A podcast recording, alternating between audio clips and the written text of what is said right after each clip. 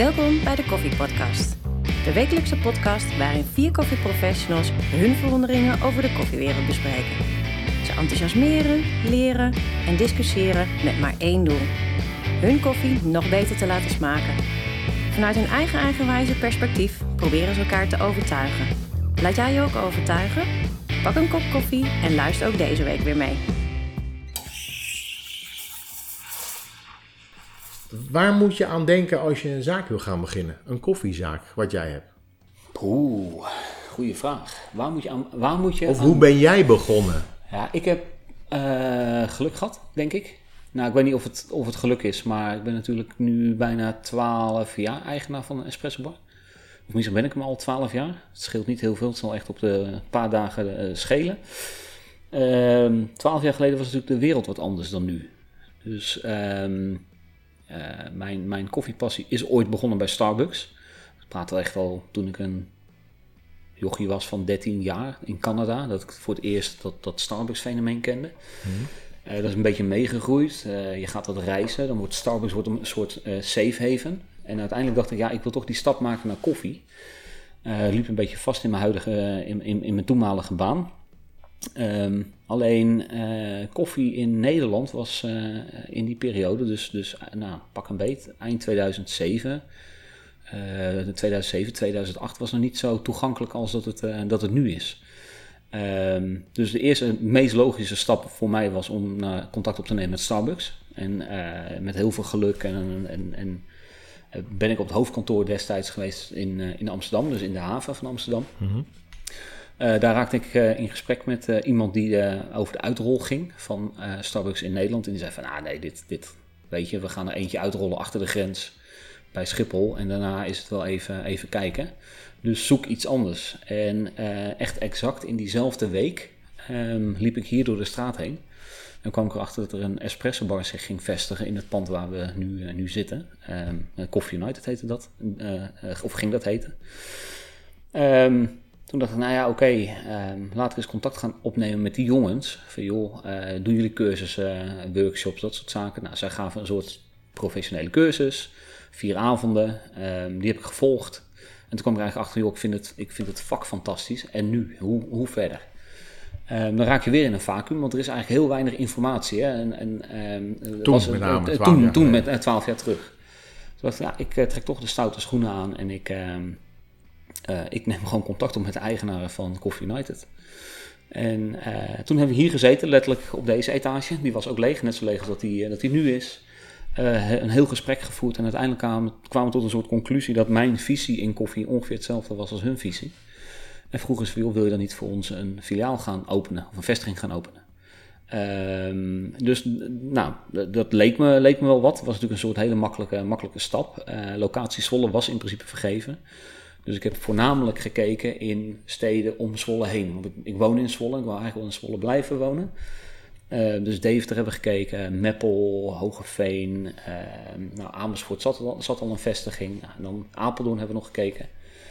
En eigenlijk het allerbelangrijkste, en ik denk dat dat vandaag de dag nog steeds geldt, is eh, kijk naar de locatie. De locatie is gewoon heel erg belangrijk. Er, er moet gewoon veel traffic langskomen. Ehm en helemaal twaalf jaar terug was dat gewoon echt een belangrijk aspect. Eh, je moet het hebben van de, van, van de, de passanten. Ehm, En moet je, dan, en moet, je dan, moet je dan opvallen met terras, grote schreeuwende reclame of een klein pandje als je maar Ik denk dat, dat, dat alles zijn charme heeft. En ik denk dat elke plek ook zijn type, ehm, eh, zijn type marketing of zijn, zijn, ja, hoe zeg je dat? Een, een, een, een, een- zijn eigen gevoel moet, eh, moet hebben. Ehm, wel denk ik dat, dat als je het jezelf een stuk makkelijker wil maken, is een groot terras of een groter terras eh, wel een van de dingen waar ik nu voor zou, zou kiezen. Mhm. Ja, ik merk wel, wij hebben hier geen terras. Hè. Ja, twee, eh, twee stoeltjes eh, tegen de gevel aan. Eh, wij hebben natuurlijk wel twaalf, we hebben twaalf jaar hard moeten vechten om, om het hele to-go verhaal over de bühne te krijgen. En dat, dat lukt nu ook wel. Ehm, Ook voor een deel dankzij corona. Ja, nu natuurlijk helemaal. Hè? Dus daar plukken we nu misschien nog wel weer een keer extra de vruchten van. Eh, maar ik denk als ik, nou ja, weet je, eh, ik heb nu twee tafeltjes. Nou, als je er acht had gehad, dan, dan waren zomers gewoon een stuk makkelijker geweest. Want uiteindelijk is dat, hè, zijn die volle terrastafeltjes ook weer een uithangbord voor mensen om binnen te komen. Ja, die denken de volgende keer, hé, hey, daar moeten we eerder heen. En dan kunnen we daar Ja. wel die appeltaart uh, Ja. en een lekkere Ja. cappuccino of zo. Ja, dus, dus ik denk eh, hè, om, te, om te starten, eh, locatie. Wat, wat wil je zijn? Dus ik denk dat dat iets heel belangrijks is. Van, van, wil je een hele hippe bar zijn? Of wil je, eh, wie, wordt je doelgroep? Dat je daar heel goed over na moet denken. Ehm, en ik heb ooit de keuze gemaakt, ik wil zo dicht mogelijk bij mezelf blijven. Dus datgene wat maling is, is eigenlijk ook nou ja, bijna een soort afspiegeling van hoe ik, eh, hoe ik ben. Dus af en toe rare dingen doen. Maar ook in sommige dingen denk je, als, iets, als iets heel goed is, laat het dan zo. Want je hoeft niet altijd alles af te breken om, om te hopen dat je het nog beter kan, eh, kan krijgen. Ehm, dus ik denk, denk vooral blijf, blijf heel dicht bij, bij jezelf. Wat, wat wil je? Wat wil je uitstralen? Ehm, ja, dat eigenlijk. En, en is dat dan ook de tip voor de mensen die nu zouden willen beginnen? Want 12, 12 jaar geleden had je bijna geen coffeeshops in de zin van espresso barren en dat soort dingen. Nu, eh, nou ja, we zijn nou weer een beetje in rustige vaarwater geloof ik. Maar een jaar of twee geleden was er, nou iedere week wel ergens in Nederland zag je weer een extra barretje open komen. Ja, het wordt natuurlijk makkelijker. Eh, informatie is toegankelijker. Ehm, hè, ehm, ik heb natuurlijk die, ooit die, die, die, die cursus, hè, die tussen haakjes professionele cursus gedaan. Ehm, nu hoef je eigenlijk maar eh, YouTube eh, aan te, te slingeren. En hè, je kan van, van A tot Z eh, leren hoe je fatsoenlijke koffie moet maken. Cursussen, workshops zijn natuurlijk veel toegankelijker geworden. Ja. Dus de, de, hè, dat, ik denk dat dat een stuk makkelijker is.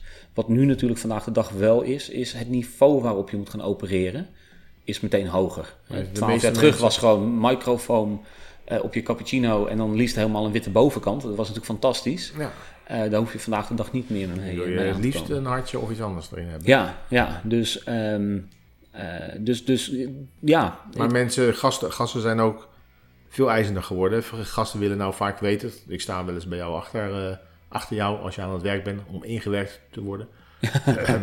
Ehm, heb je ook echt nodig. maar dan, dan kan dat ook, anders sta je zo zielig alleen in je eigen zaak, denk ik dan. Maar, maar dan, dan, dan vragen mensen ook, "M, heb je de special nog? Dus ze weten dat je een, een standaard koffie hebt, jouw eigen, eigen bent, maar je hebt ook de special.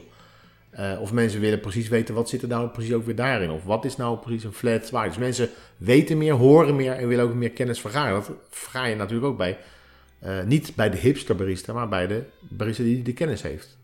Ja. ja, maar ik denk ook dat wij dat wel hebben geprobeerd te laten zien de afgelopen twaalf jaar. Dat, dat we, ehm, we, zijn niet alleen, we serveren niet alleen goede koffie, we serveren ook die koffiebeleving. En dat is natuurlijk een soort, vind ik ondertussen een soort container en, en platgeslagen begrip. Ehm, maar we proberen juist mensen te vertellen wat we doen. En waarom doen we het? En waarom hebben we bepaalde keuzes gemaakt? We proberen daar heel duidelijk en transparant in te zijn. Dus er zitten best wel ehm, hele grondige eh, en fundamentele keuzes in. Zonder dat we het heel beladen en heel groot maken. Ehm, maar ik denk dat dat, hè, nogmaals, is ook een soort weerspiegeling van datgene wat ik zelf fijn vind. Ik vind het fijn om keuzes te maken en dat je er ook 100% achter kan staan en dat je het ook 100% kan uitleggen.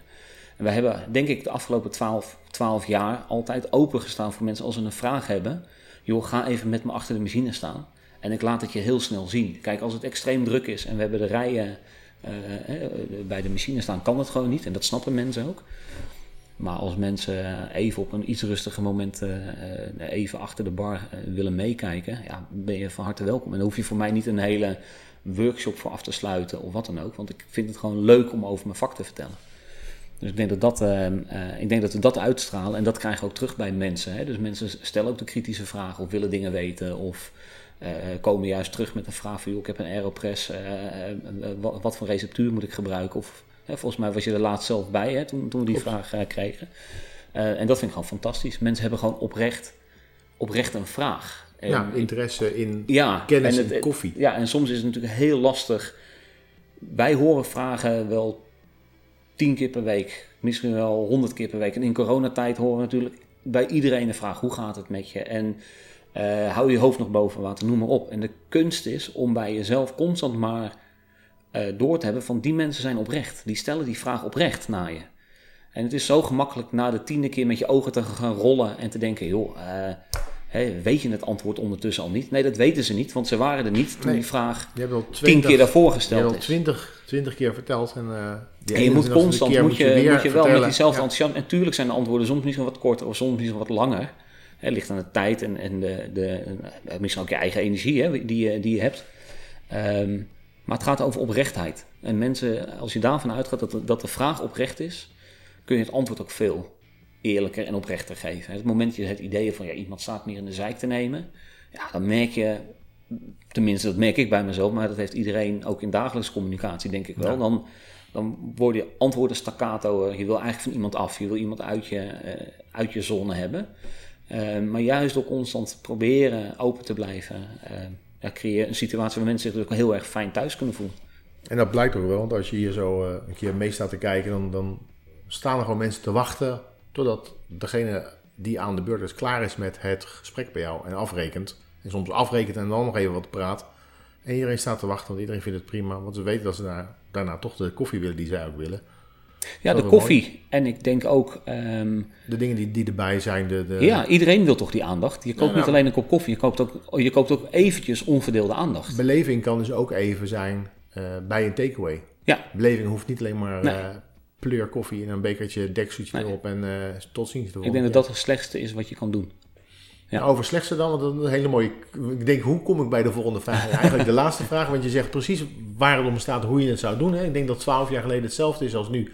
Blijf bij jezelf. Welke stomme fout heb je, heb je gemaakt? En zou je willen dat jouw conculega's die misschien eh, gaan beginnen, niet gaan maken? Heb je überhaupt een stomme vraag? Want je zit een beetje nou raar gezichten te trekken. Me uit te En staan. bij een podcast zie je dat niet echt, Nee. maar... Eh, nou ja, het eerste wat ik dacht is, ik had niet aan deze podcast moeten beginnen, want ik deze rare vraag niet had. Ik had Ron nooit moeten leren kennen. Ehm, nee, eh, s- stomme, stomme fouten geloof ik niet heel erg in. Ik geloof erin dat op het moment dat je een keuze maakt, dan heb je op dat, letterlijk op dat moment alle informatie om die keuze te maken. En je maakt een afweging. En in een, in een nanoseconde daarna, op het moment dat je de keuze hebt gemaakt, kan het zijn dat je in één keer denkt, oh, dit is dom. Omdat je in één keer nieuwe informatie tot je krijgt. Hè? Je ziet het Mhm. resultaat bijvoorbeeld van je keuze.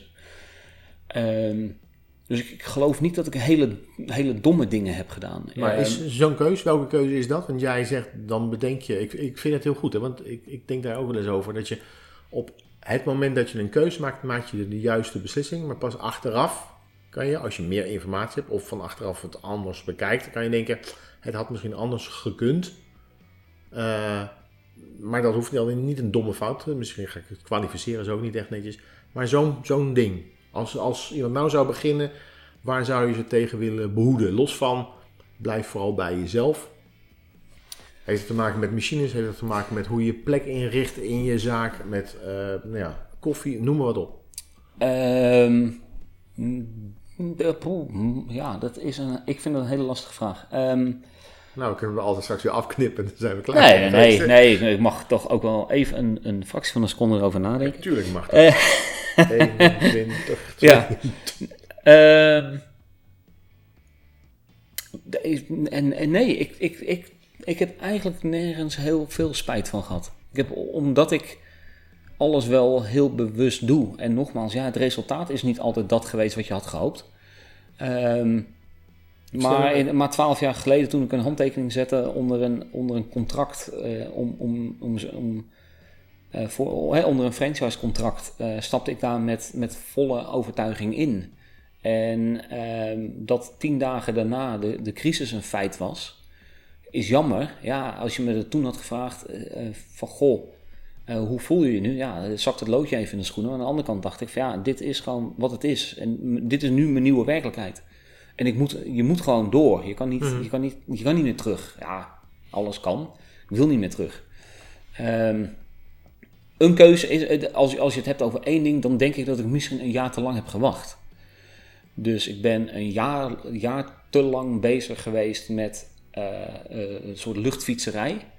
Terwijl ik denk dat je het uiteindelijk ontstaat het in de praktijk. Dus je kan een heel mooi businessplan gaan schrijven. En je kan een heel mooi. ehm, dat kun je allemaal heel overtuigend brengen. Maar het, het moment dat je achter die machine gaat staan en bezig bent met echte mensen, kun je vaak het hele plan wel van tafel vegen. Al doen leer je. Ja, en één belangrijk ding, en daar, oké, waar heb ik wel spijt van? ehm, of waar vind ik, hè, dat zou echt een advies zijn, vier je succes. Ik ben er per definitie heel slecht in. Eh, mijn verjaardagen vier ik niet. Ik, eh, ik, ik kan iedere verjaardag vergeten. Ik kan de trouwdag van mijn ouders vergeten. Ehm, ik heb er niet zo heel veel mee, maar ik merk wel op sommige punten. ehm, het moment dat je succes viert, dan, dan, dan plant je een soort positief punt in je geheugen waar je altijd weer op terug kan pakken. En ik denk dat ik dat af en toe te weinig heb gedaan. Ik weet dat een van de, de doelstellingen die ik had, en dat klinkt nu natuurlijk heel soft, maar hè, weer twaalf jaar terug in de tijd, eh, dat ik dacht ik wil een Rosetta leren inschenken. En toen had je geen eh, YouTube-filmpjes. Volgens mij waren de enige instructiefilmpjes die beschikbaar waren van Friese vlag. En meer waren er niet. En ik dacht, ik wil dit kunnen, ik wil dit kunnen, ik wil dit kunnen.